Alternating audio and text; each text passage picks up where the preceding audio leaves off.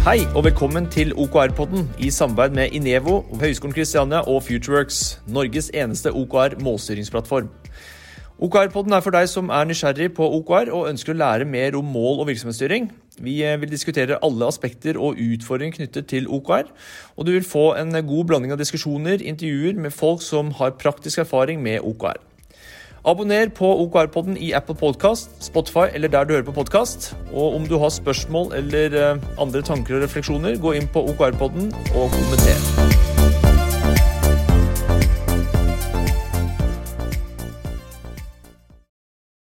Velkommen til OKR-podden, podkasten for deg som er nysgjerrig på OKR og målstyring.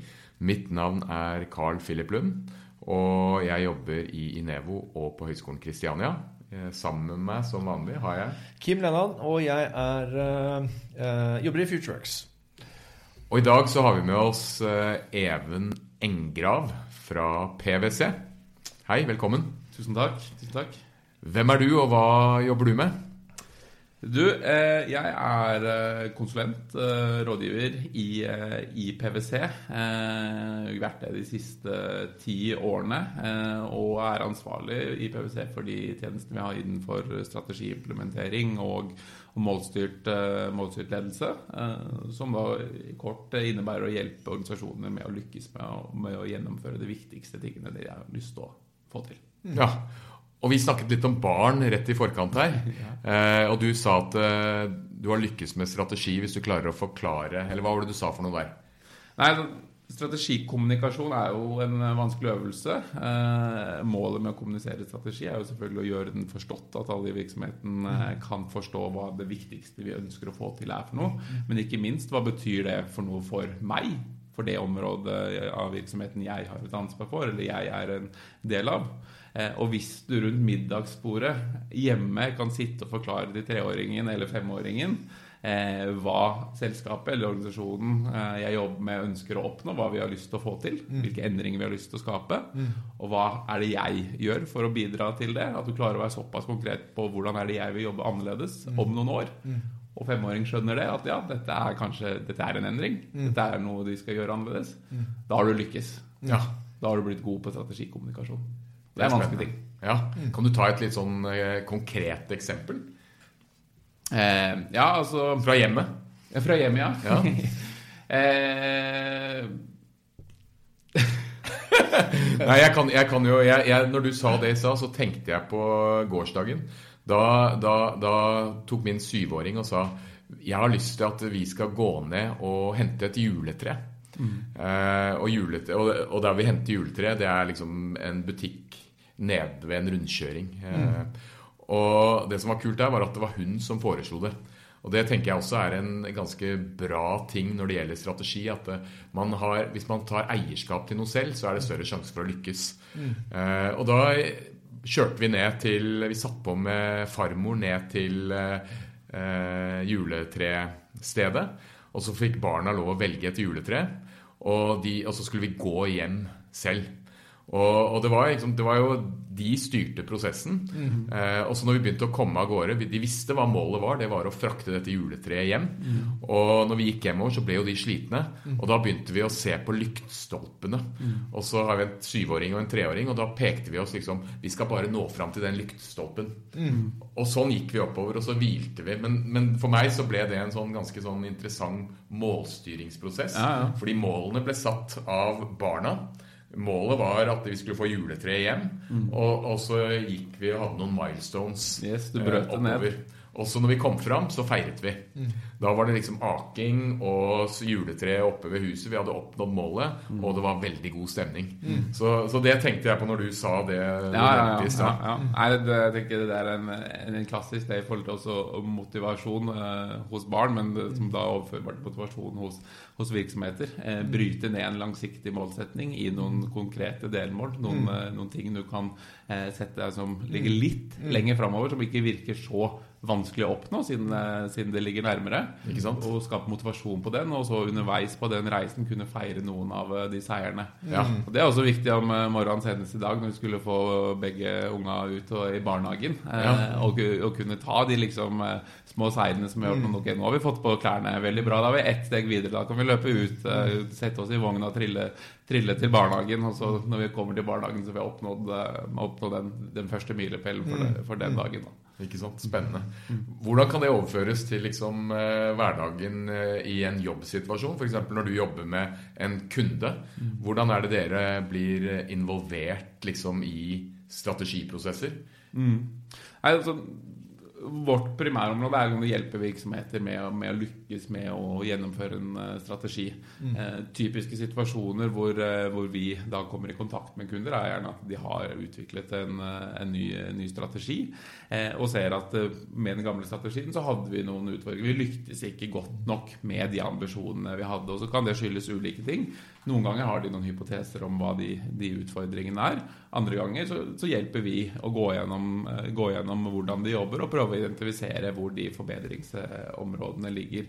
Eh, noen ganger kan det handle om det vi har vært litt inne på her. Klarer vi å gjøre strategiene eh, våre fokuserte nok? Har vi klart å prioritere hva som er de viktigste tingene vi ønsker å oppnå, sånn at det også er lett for organisasjonen å forstå hva som er viktigere enn eh, andre ting? Eh, og i den øvelsen, når man skal prioritere, så ser vi kanskje den største utfordringen med å prioritere er jo å prioritere eh, bort. Så en viktig del av den første fasen av strategi- og strategiimplementeringsprosessen er faktisk det å ta noen gode valg, noen gode, gode veivalg på hva det vi, vi skal, skal oppnå. Ja. så det er, Hvordan, hvordan gjør dere, er det, Kommer dere inn Er det en daglig leder eller administrerende direktør? Eller er det, kommer dere inn på styrenivå? Hvor er, det, hvor er det dere typisk ser at strategiene legges? Er det styrenivå, eller er det ledelse, eller er det ute i organisasjonene? Eh, som regel så er det på, på ledernivå eh, Ja. i organisasjonen hvor, eh, hvor vi, vi kommer inn og, og blir engasjert. Altså typisk de som har et ansvar for eh, strategi og gjennomføring av strategien. Typisk en, en CFO eller en eh, CSO som har, eh, har dette ansvaret. Da. Så det er som regel der vi kommer inn og gjerne begynner arbeidet. Så da tar, de, da tar de kontakt med dere, og så Hva skjer? Ta oss igjen, dra oss gjennom det caset som kanskje vi snakket litt om i stad. Et Ja. praktisk eksempel. Ja. Eh, Fra A til Å. Ja, riktig, riktig. Nei, vi, vi, eh, vi ble først kontaktet av eh, han som var eh, ansvarlig for eh, hvordan vi jobber med å gjennomføre strategi, og ikke minst den helhetlige virksomhetsstyringen i, i, i dette konsernet. Og han sa til oss at eh, vi har en ganske god formening eh, om hva vi må lykkes med, hva vi må gjøre bedre, altså hva som er vår strategi. Den strategien har vi hatt i noen år nå. Eh, Men vi ser at når det kommer ut til de eh, resultatenhetene, de selskapene som skal gjennomføre den strategien, så klarer vi ikke eh, å gjøre den forstått, og vi klarer ikke å sette fokus på den og oversette den til noe som, som faktisk betyr noe for dem i hverdagen. Hvorfor ikke? Det, det er jo noe av det vi ble satt til, til å finne ut. Men den, den første hypotesen eh, og det tydelige som vi så der, var at den strategien man hadde, var ikke tydelig nok på hva som var det viktigste. Den beskrev en rekke ulike områder, temaer som vi måtte bli gode på, men beskrev ikke hva som egentlig skulle til for å lykkes i de markedene, men også hva som skulle til for å utvikle den, eh, den organisasjonen vi har satt. Det var ett veldig viktig element. Det andre viktige elementet var at når man faktisk skulle snakke om hva er det vi har oppnådd, og da man gjorde også prioriteringer for tiden fremover, så snakket man ikke om det som, som vi har sagt at er det viktigste, det som er strategien vår. Altså det blir mer en, mer en operasjonell løypemelding på de tingene vi, vi hele tiden gjør, eh, og en status på de KPI-ene og en status på den økonomiske utviklingen. Og så snakker vi kanskje litt helt til slutt om, om, eh, om de, små, de ulike tiltakene som vi har, og som vi jobber med. Eh, Istedenfor å kanskje begynne med som, de tingene vi har sagt, de topp tre, topp fem tingene som vi har sagt, dette er det vi virkelig skal lykkes med. Hvordan ligger vi an på de områdene? Ja. Har, vi, har vi sett en utvikling på de? Har vi beveget oss mot de milepælene vi har satt som vi, vi ønsker å oppnå? Hvorfor har vi ikke det? Hva, hva bør vi gjøre fremover? Hva kan vi lære av den utviklinga fremover? Hva gjør vi nå? De tingene der i forhold til hvordan man utøver ledelse og snakket om utvikling, var ikke godt nok på plass. da. Så både den tydeligheten i forhold til hva strategien vår er, men også tydeligheten om de tingene vi skal snakke om når vi skal si hvordan går det med, med virksomheten vår, Ja. de var eh, ikke godt nok på, til stede. Så så da, da snakket dere med CFO-en eller CSO-en, og så innkalte dere til et møte, eller gjorde dere intervjuer av ledergruppen? Eller hvordan, hvordan er det dere eh, gikk fram i det caset der? Ja. Vi jobber da typisk langs eh, to akser. Én akse som handler om å forstå hvordan man jobber ute i organisasjonen. Hvordan utøver man ledelse, hvordan er det man jobber for å skape et eierskap til den strategien vi har. Og da, som er liksom den emosjonelle biten av strategiimplementering, og kanskje den aller vanskeligste. Men så jobbet vi også mye med den, mer den rasjonelle biten av det å jobbe med strategi, med å tydeliggjøre hva er det strategien vår egentlig er. Og da jobbet vi da veldig tett sammen med, med ledelsen i virksomheten og sentrale personer i virksomheten som hadde et ansvar for den strategien eh, som var lagt, med å tydeliggjøre og spisse hva som er de virkelige målene vi ønsker å oppnå i et tre- og et femårsperspektiv.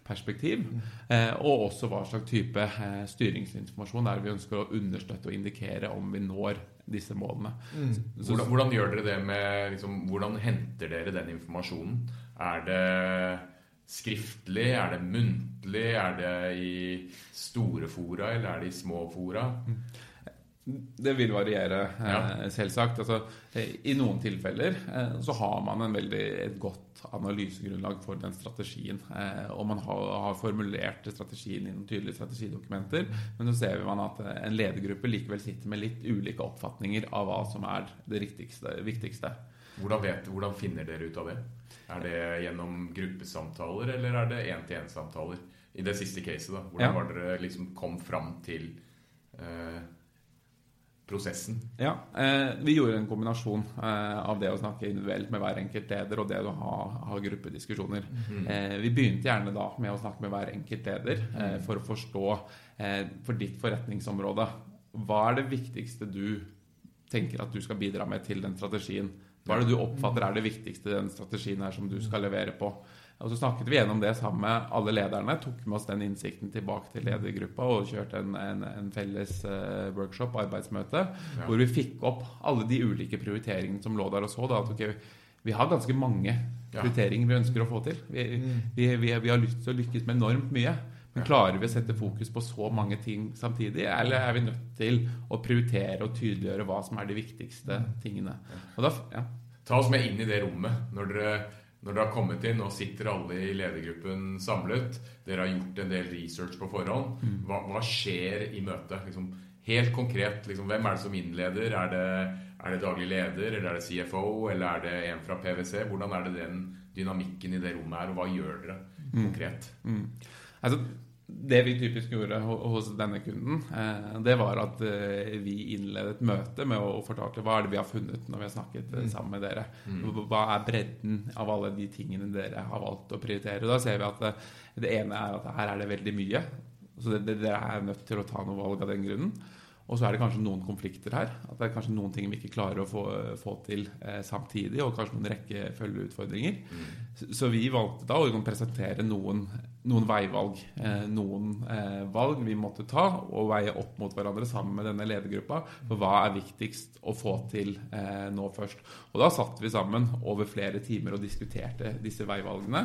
Basert på den, den innsikten og, og som de allerede hadde. Som jeg nevnte at De hadde gjort veldig mye godt analysearbeid for å finne ut hva er, det, hva er det som skal til for å lykkes i, i de markedene vi opererer i.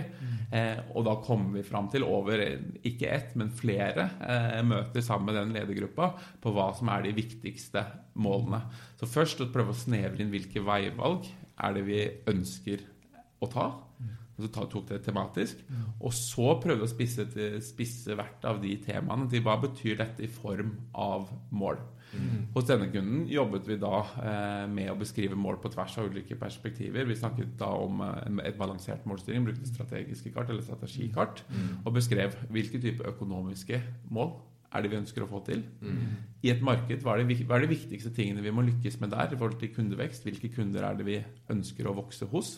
Eh, I forhold til hvilke type behov er det vi ønsker å løse hos de kundene? Hvilke tjenester er det vi må forbedre oss på? Hva er det vi må levere bedre produkter på? Mm. Og så definerte vi også mål i forhold til de interne prosessene, både i forhold til hvordan vi hele tiden måtte forbedre driften, men også hvordan vi jobbet med å utvikle nye produkter. Mm. Og det siste perspektivet er hvordan vi bygger vi en robust organisasjon som kan utvikle og levere mm. på dette. her. Så vi endte da på sluttproduktet der var et uh, strategikart som beskrev da i disse perspektivene mm. hva er de viktigste tingene vi ønsker å oppnå her er for noe. Mm. Og, og, da kan du jo kanskje dra oss over til det som er egentlig hovedtemaet i denne podkasten, OKR. Mm. Hvordan går dere fra liksom den strategidiskusjonen, og, og, og, hvor er det OKR passer inn? Mm. Og har, har, da ledelsen en felles forståelse om hva dette rammeverket handler om? Mm. Eh, hos denne kunden, og det er kanskje et viktig prinsipp som, eh, som, jeg ofte pleier å si når man eh, skal jobbe med å endre styringsrammeverk, eh, og også når det gjelder OKRs eh, det å bruke en målstyringsmetode som en oppskrift, mm. det tror jeg sjelden er heldig. Eh, du må se på det som et eh, rammeverk til eh, inspirasjon. Mm. Hente ut elementer fra det og se hvordan det kan passe inn i måten vi ønsker å utøve både ledelse på og styring på i vår, vår virksomhet. Det gjorde vi også hos denne kunden nå snakket om, hvor vi sa at hva er de viktigste tingene fra OKRs, som er en metode hvor hvor du eh, setter fokus på hva er det viktigste vi skal oppnå nå den neste perioden. At du eh, kaller det sandboxer. De viktigste mm. resultatene du ønsker å oppnå de neste tre månedene. Der mener jeg at eh, OKR skiller seg en del fra andre målstyringsmetoder hvor du har et enda kortere tidsperspektiv. At du låser eh, prioritetene dine for de neste tre eller seks månedene, alt ettersom hvilken eh, syklus du lander på. Eh, og så er du veldig tydelig på det at målene de skal utvikles av de som skal gjennomføre dem. Mm. Så Du har et, et, overbygg, et overordnet strategi med noen ambisjoner som eh, vi skal nå. Men når vi tar det ut i de ulike teamene, vi ser på det overordnede bildet, hva, hva, er vår rolle i å oppfylle de målene? Og da beskrive de konkrete målene som skal til for at vi skal lykkes eh, med, med dette her og oversette det til, eh, til, det. Og da må man ta utgangspunkt i hvor er vi på vår reise. Eh, dette her var en, en virksomhet som besto av veldig mange relativt like resultatenheter. Men modenheten i de ulike mm. resultatenhetene gjorde at man måtte jobbe med ulike ting. Vi hadde et felles overbygg eh, og strategi i forhold til hva vi vil lykkes med, men vi må prioritere å jobbe med litt ulike ting. Mm. Så det vil si at innenfor eh, en tremånedersperiode så vil det ligge ulike typer eh, både key results, nå brukte vi ikke det som et begrep hos denne kunden, men ulike typer tiltak som er viktigst mm. eh, å få til, eh, få til nå. Mm. Så, så, så, tilbake til, til OKR. Bruk det som et, et, et, et inspirasjonsrammeverk, ja. og se hvordan passer det inn i, i vår virksomhet. Jeg støtter veldig det med at det er et, eh, et en, Det kan være en oppskrift du begynner med, men etter hvert så utvikler du den, og så tilpasser du den til hvordan det funker for organisasjonen. Og da støtter jeg veldig det at det er ulikt fra selskap til selskap også. Så jeg tror at det, som, det, det at det er disse sandbox, altså de korte intervallene mm. på OKR-prosessen, mm. det tror jeg er helt eh, det store skilnaden. Men det at det også er en, en, en lengre prosess. Mm. Det er en prosess som fokuserer på kontinuerlig forbedring, og i den kontinuerlige forbedringen mm. så gjør vi skifter på selve prosessen, på hvordan vi jobber med OKR, og hvordan det funker for oss. Mm. Og da kommer også modenheten også litt inn. altså Etter hvert så liksom ni-tolv måneder med OKR, så begynner modenheten på OKR-implementeringen å sitte litt i organisasjonen. Ja. Og, og, det er liksom som Mange selskaper kaller jo også OKR litt annerledes også. Mm. De kaller ikke OKR etter hvert. Nei. Og da, som vi har snakka om tidligere med andre også, Philip, så er det sånn at den vanen som endrer seg i forhold til hvordan vi jobber med OKR, den begynner å sette seg litt i kulturen, og da mm. kaller vi ikke OKR ambisjoner, nøkkeltall. Ja sofaknut, eller du kaller det helt andre ting. Mm. Eh, da har du virkelig kommet til et sted hvor OKR eller målstyring funker. Mm. Helt klart. helt klart. Så, og da tror jeg der virksomheten er på det tidspunktet man erkjenner at man trenger å, å gjøre noe med måten man styrer og prioriterer på, mm. det er veldig mye å si. For du, som du sier, Kim, at eh, i starten kan du gjerne bruke det eh, mer som en Mm. oppskrift. Det, det er enig i det, og særlig for de, de startup-virksomheter som ikke kommer med en lang Mm. historikk av ulike typer styringsmodeller og styringsverktøy som de allerede har. Men det er de tilfellene hvor du har gjerne en stor etablert som har eksistert over veldig lang tid, og så introdusere noe nytt. Hvordan skal det passe inn, inn i den helheten av alle andre typer prioriteringsmekanismer som de har? Det er der jeg tenker at du må gjøre tilpasninger for å få det til å passe til, eh, til, vår, eh, til vår virksomhet. Da. Når, når, når disse målene er satt, hvordan er det dere i dette te- caset hvor, hvor langt ut i organisasjonen ble dette kommunisert? Og hvordan gjorde dere dette i det caset? Ja, eh, det, det vi var veldig opptatt av, at dette her skal tas helt ut. Altså Resultatene i, vår, i denne virksomheten her, det, og som i veldig mange andre virksomheter selvfølgelig, det skapes hos de mest kundenære enhetene. Det er der vi ønsker å få til en endring, og så har det konsekvenser i forhold til andre typer enheter i, i virksomheten. Så strategi er ikke noe som handler om hva vi skal gjøre i noen få eh, deler av virksomheten, men det er noe vi må ta ut i alle deler av virksomheten.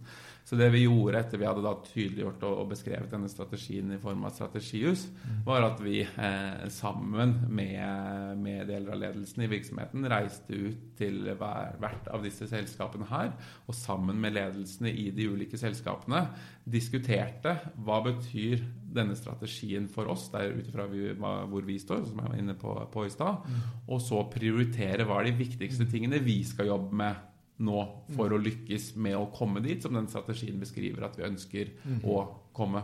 Og da jeg har jo ikke vært inne på, men er, hva, hva er strategi? Eh, vi snakket så vidt om det her før, før vi begynte. Strategi er jo en beskrivelse av hvor vi ønsker å være om en viss tid. Og hvordan vi skal komme dit. Vi hadde en nedbrytning av eh, den planen. Og sånn var vi veldig bevisst på når vi jobbet med hvert enkelt av disse virksomhetene. Hvis, hvis eh, konsernet, denne virksomheten her, ønsker at vi skal komme hit eh, om en, en tre til fem års periode, hvis vi tar det ned til vår eh, del av virksomheten og vårt selskap, hva er det vi må endre på? Det er det vi vil beskrive. Hva er det vi må endre på? Hva er det vi må lykkes med å få til? Og beskrive da de tydelige målene som, som, eh, som vi skal jobbe mot, og de konkrete tingene vi skal jobbe med for å komme dit. Mm. For, for, for meg så er jo strategi veldig enkelt. Det er å velge en retning og implementere som et helvete. Eh, og og, og det, dette her med å sette mål, det er, det er jo viktig. Men jeg tror det som er vel så viktig, er det å skape engasjement rundt disse målene. Ja. Og der føler jeg at uh, veldig mange organisasjoner feiler. Man sitter i en ledersituasjon og setter noen mål, men så klarer de ikke helt å, å skape et engasjement rundt disse målene. Hva, hva gjør dere konkret i dette caset for å skape engasjement og liksom den derre den pulserende ønsket om å jobbe sammen mot det felles målet. Er, har du noen tips om hvordan skape engasjement? Så jeg, jeg tror en nøkkelfaktor da er involvering. involvering. Ja. Ikke bare i forhold til de konkrete tingene eh, vi skal gjøre for å nå noen mål, men faktisk i prosessen med å sette de målene. Eh, Så det vi også var veldig tydelige på når vi jobbet med den kunden her, var at én ting er liksom det første steget når vi jobber sammen med ledergruppa i forhold til å forstå denne strategien. Det er steg én. Men steg to er når den ledergruppa tar med seg resten av sin organisasjon. Hvordan gjør de det? Hvordan gjorde de det i dette caset? I, I dette caset så samlet de da hele, hele teamet eh, til, et, til et felles møte. Fra alle enhetene? Ja, Ja. Og så var det litt sånn ulikt størrelse på disse ulighetene, Ja. ulike enhetene. Noen var en eh, 10-15 ansatte, andre var kanskje 100 ansatte. Mm. Eh, men da å få opp disse viktigste prioriteringene som lå i strategien, opp på veggen, og diskutere hvor er det vi opplever at vi står hen i dag. Ja. Hva er det vi må prioritere og endre hvis vi skal komme dit? Hva betyr disse tingene for oss? Og at man da gjennom den, eh, den prosessen med å diskutere dette på tvers av de ulike teamene og enhetene fikk en felles erkjennelse av både hvor, og forståelse av hvor vi er, hvor vi skal, og hvordan komme dit. Hvordan gjorde de det i praksis? Når du har liksom den enheten med 15 personer, eh, hvordan sørget man for å få input og involvering fra de? Var det i et samlet allmannemøte, eller, eller var det i små grupper? Hvordan, hvordan, og den eh, enheten med 100 stykker, hvordan gjorde man det der?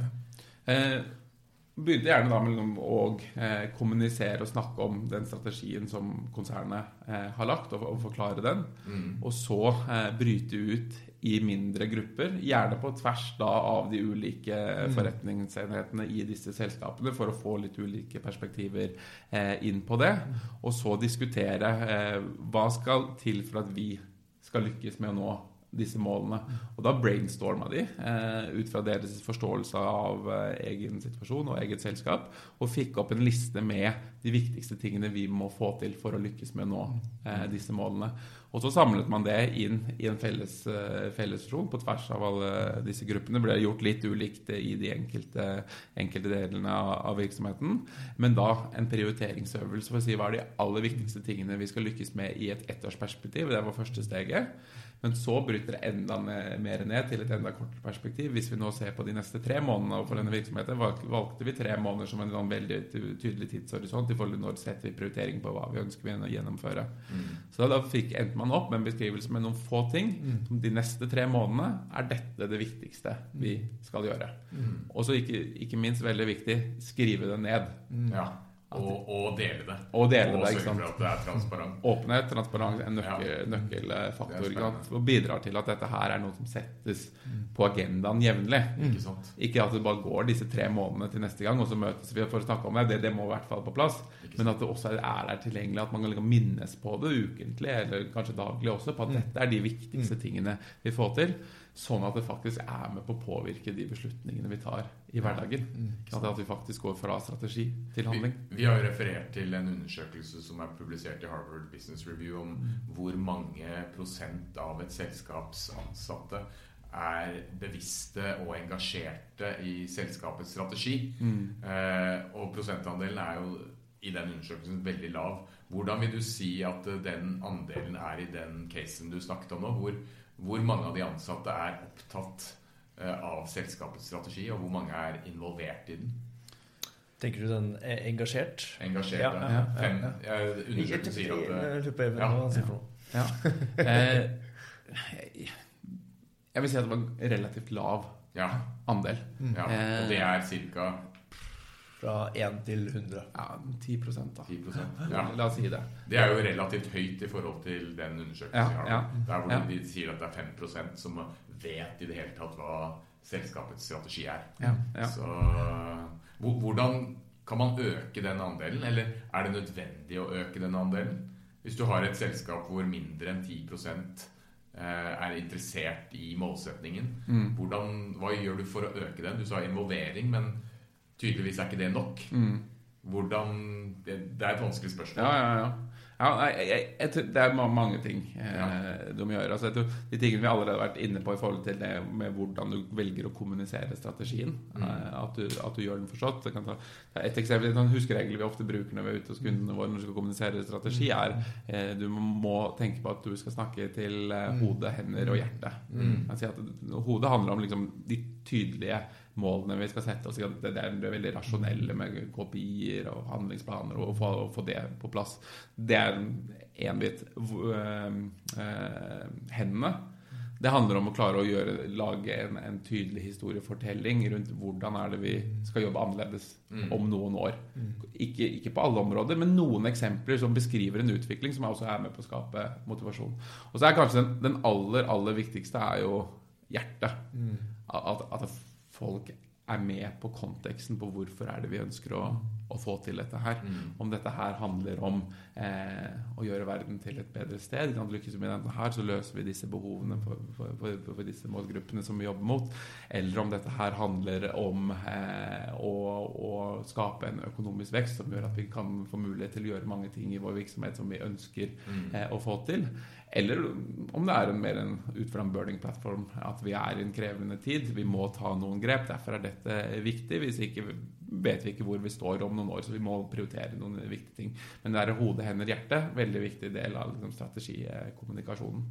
Men så, da får du til det, så er det noen ett steg på veien i forhold til det å skape, skape eierskap. Mm. Men så må, også, må, må, folk kjenne at ok, her får jeg et ansvar for å kunne bidra til dette her. Dette er ikke mm. noe jeg bare får tredd nedover. Jeg er med på å liksom kunne utvikle og skape dette her, her, selv.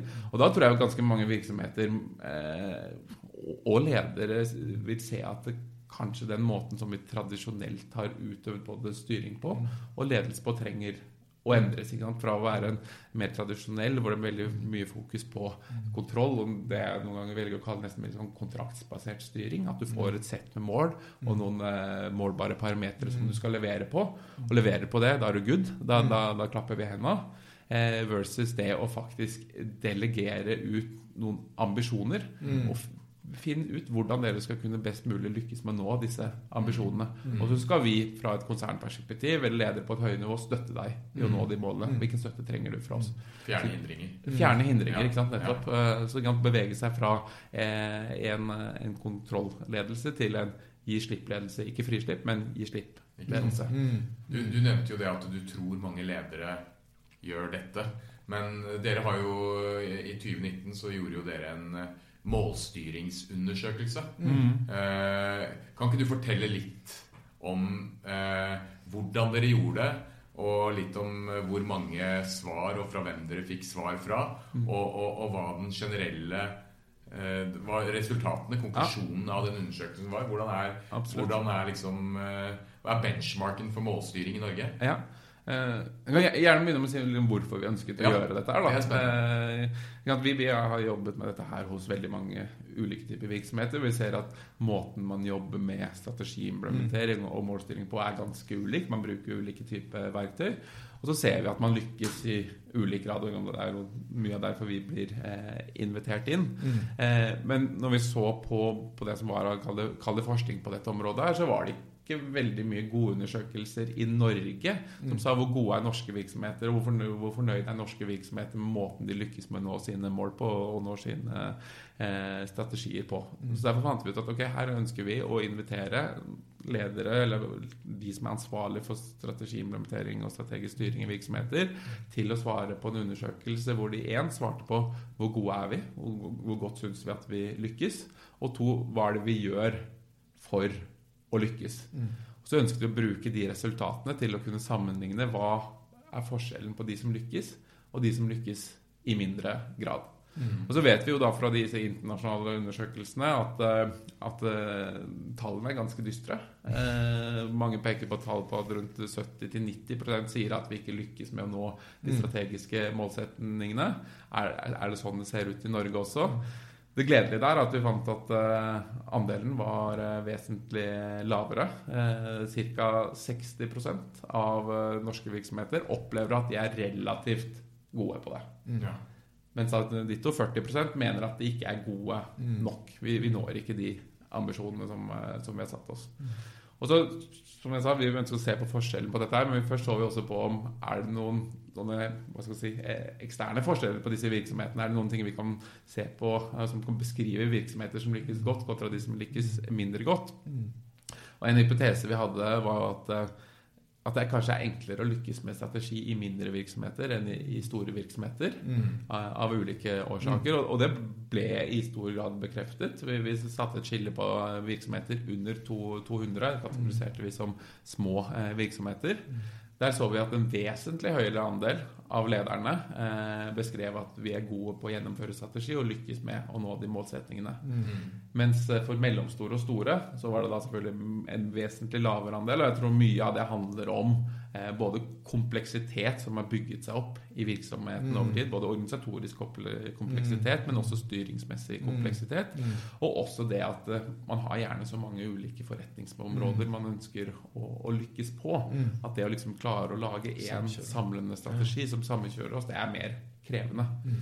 Eh, det var ett element. Det andre elementet var jo, vi var litt nysgjerrige på, var jo er det forskjell der på private eh, og offentlige. Jeg vet ikke om eh, hva, hva tenker dere? Jeg tenker at uh, private er, uh, har, er flinkere. Mm. Men jeg håper jo at uh, det skulle være like, ganske likt. Ja. Hva- hva det, det, det stemmer jo det, ut fra, fra denne undersøkelsen, at eh, lederne de i private virksomheter opplever selv at eh, de lykke, flere svarer at de, Mm. de lykkes. Det var, vel rundt bare en én av fem ledere i, i offentlige virksomheter som svarte at de mente at de var gode nok på strategien. Så sa, ikke, så sa ikke undersøkelsen noe om hvorfor er det sånn at offentlig lykkes i mindre grad. Vi så når vi kommer tilbake til det, at det er liksom de samme tingene de virksomhetene sier at de sliter med, som de som er private og sier at de ikke lykkes med, med strategien, eh, sliter med. Men hvis skulle synes om det, så vil jeg tenke at veldig mange deler av eh, offentlige forvaltning har ganske brede oppdragsbrev. Det er ganske mange mål og resultater de skal levere på. Eh, og vi vet jo det at skal man lykkes med strategi, så handler det om å ta noen valg og være fokusert. Det gjør det i hvert fall vesentlig enklere. Så det kan være en, eh, en årsak, da, men det, det var ikke et, eh, noe som undersøkelsen sa nå. Et spørsmål der er jo Du er kjent med begrepet psykologisk trygghet. Eh, tror du det er stor forskjell på graden av psykologisk trygghet i det offentlige versus privat næringsliv? Det er et godt, uh, godt spørsmål. Ja.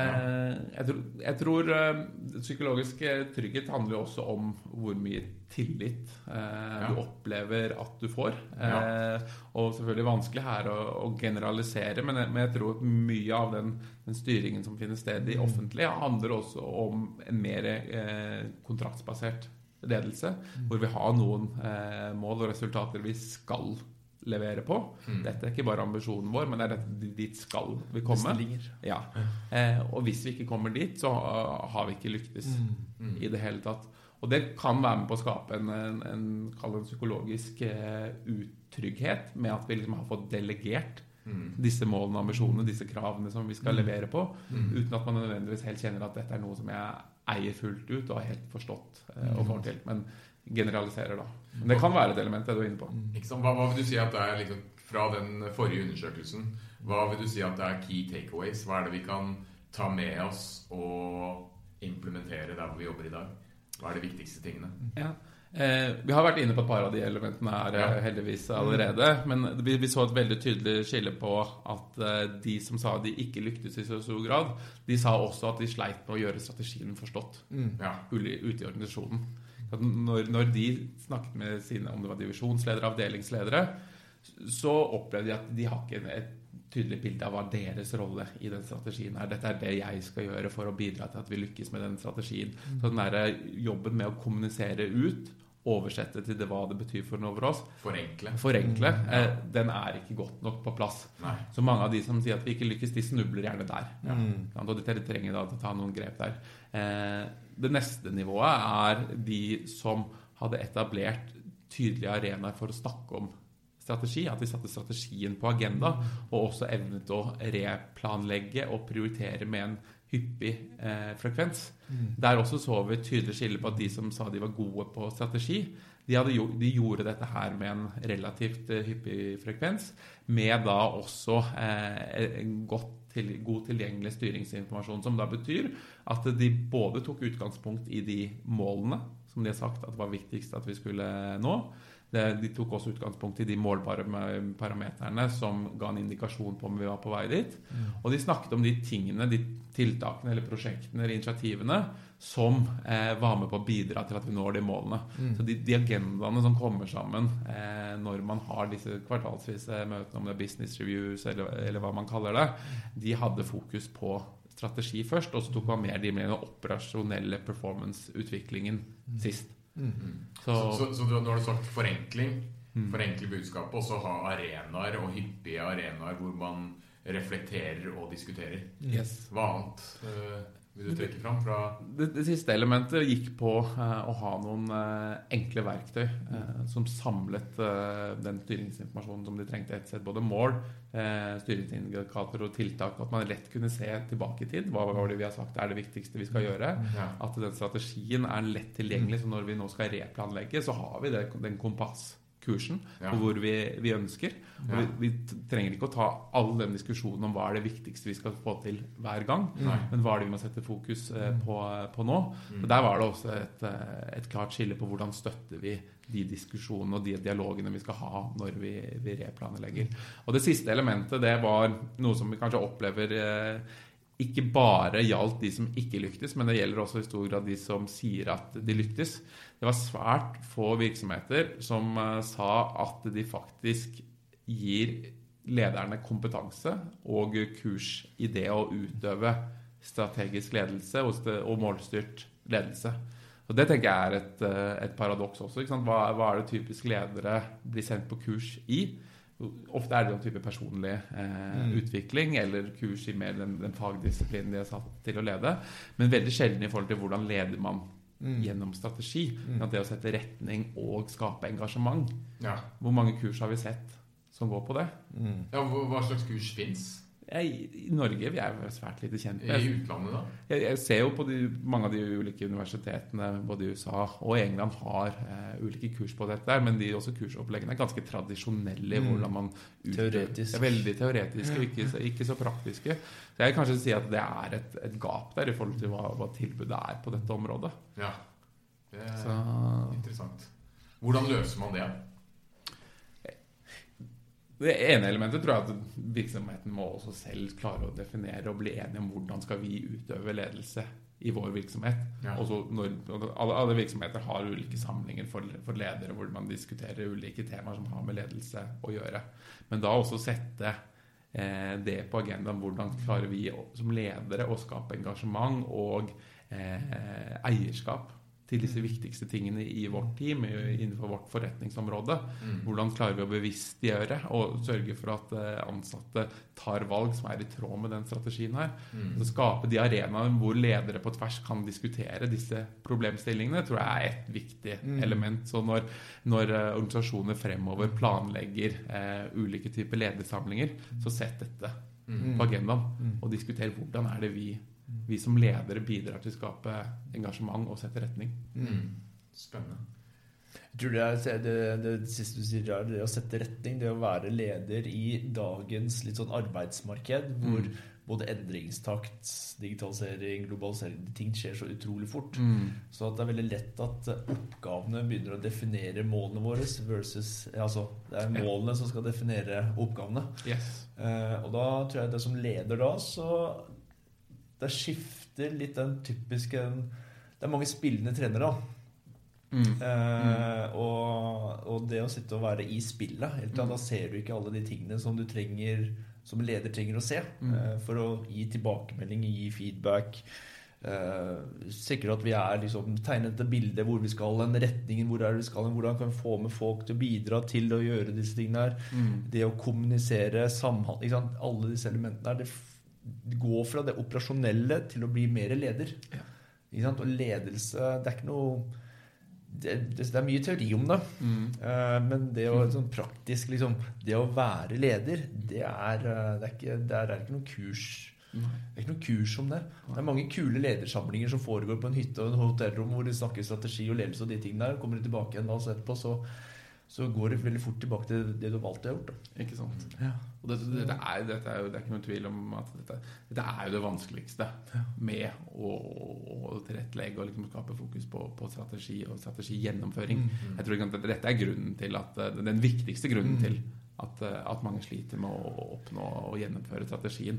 Det handler om at eh, lederne ikke eh, ser deres rolle godt nok, mm. og hvordan man skal utøve det. Altså at man tør, klarer å tørre å gi slipp og gi mm. tillit til teamene på, på de, de, viktigste tingene. Det er så lett å gjøre det selv. Ja, det er det. Jeg, jeg, jeg vet at uh, Philip vet at han skal gjøre det, men jeg gjør det sjæl. Det tar så lang mm. tid, liksom, og så, så overgår du liksom uh, Du bygger jo ikke selvtillit på det for å gjennomføre ting. Og psykologisk trygghet, som du var innom sa, Philip. Det er liksom, du spiller meg ikke god på det. Nei. Uh, så, ikke, og ikke minst det der å klare å oppnå mestringsfølelse i ettertid også. Det er jo en viktig, viktig, viktig del av det. Ja. Det er spennende. Uh, Kim, du pleier jo å, å, oppsummere. Ja, jeg har tatt masse gode nytt. Jeg syns det var uh, utrolig kul samtale, Even. så at Eh, jeg tenker jo at én eh, ting er eh, det å skal lykkes skal man, skal man lykkes med strategiimplementering, så tenker jeg det å sette det i en prosess, en strukturert prosess, som var innom tidligere, at det er en kontinuitet, og at du har langsiktighet i dette. Du har disiplin. Vi vet at vi kanskje ikke lykkes til å begynne med, og vi må ta læring av dette her. tror jeg er ekstremt viktig. Så at uh, det du sa liksom tidligere, det å liksom sandboxe disse korte liksom, uh, periodene våre, se det i en litt sånn lengre periode med hvordan vi implementerer strategi, tror jeg er liksom en viktig sånn check. Det må vi på en måte bare ta inn oss når vi skal begynne med, uh, med OKR-biten. Eh, og så tenker jeg det du beskriver også her, hvorfor. Hvorfor er det vi skal faktisk gjøre dette her, og forklare hvorfor vi gjør dette her, så at folk får ha mening. Altså hvordan, hvordan hva, hva, og Altfor ofte så sier vi bare hva. Vi forklarer ikke så veldig ikke hvor, hvorfor. Og det er det samme med hode, hender og hjerte. Og det er en veldig fin, eh, veldig fin eh, visualisering av, eh, av, av akkurat det. Tenker du på? Jeg, vi snakket med, snakket med en leder som hadde jobbet med over en periode i forhold til det, det vi nå har snakket om, i måten å endre leder, lederstil, men også få litt mer struktur i forhold til hvordan er det man setter fokus på mål, og- mål og strategi. Eh, jeg husker jeg spurte han et års tid etter man eh, hadde begynt å jobbe annerledes. Hvor, hvordan syns du det går? Hvordan er det? Eh, han har en veldig fin måte å si det på. Han sa at eh, jeg skal være helt ærlig med deg. Jeg hater det, men jeg trenger det. Så det, er jo, det, er en, det er en mental endringsreise å utøve ledelse på en, på en ny måte som er krevende. Det er ikke noe tvil om. Men vi, det var en annen ting også. Eh, målundersøkelsen skal gjøres igjen. Absolutt. Yes. Eh, det ene, Vi har fått en del spørsmål fra kunder av oss som har lurt på om den undersøkelsen dere gjorde i 2019, skal dere ikke gjøre den igjen snart? Vi kunne tenke oss eh, å være med på det. Så har vi kjent litt på om er det kanskje litt, eh, litt for tidlig. Eh, men samtidig så opplever vi at eh, interessen rundt målstyring fra virksomheter, og ikke minst eh, om OKR, har eh, nesten si eksplodert de siste tre årene. Jeg tror mye drevet av usikkerheten eh, som pandemien har medført, og den usikre situasjonen som, som mange virksomheter står i nå fremover.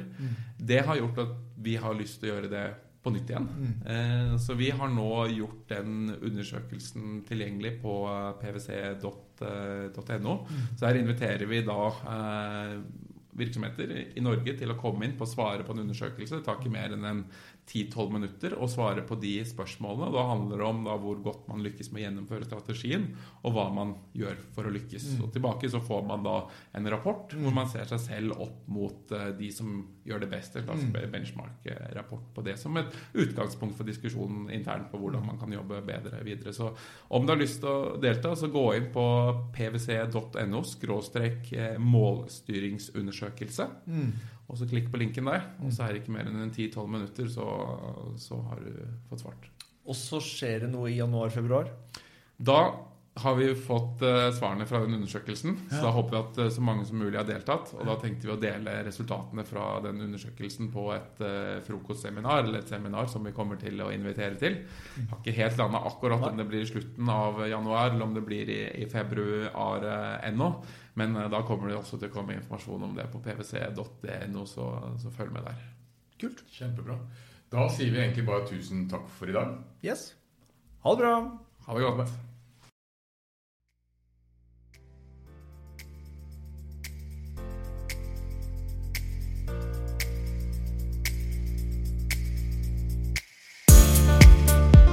OKR-podden er gjort mulig av Inevo, Vavbook og Futureworks, Norges eneste OKR-plattform som hjelper deg med å sette fart på innovasjon, utvikling og vekst.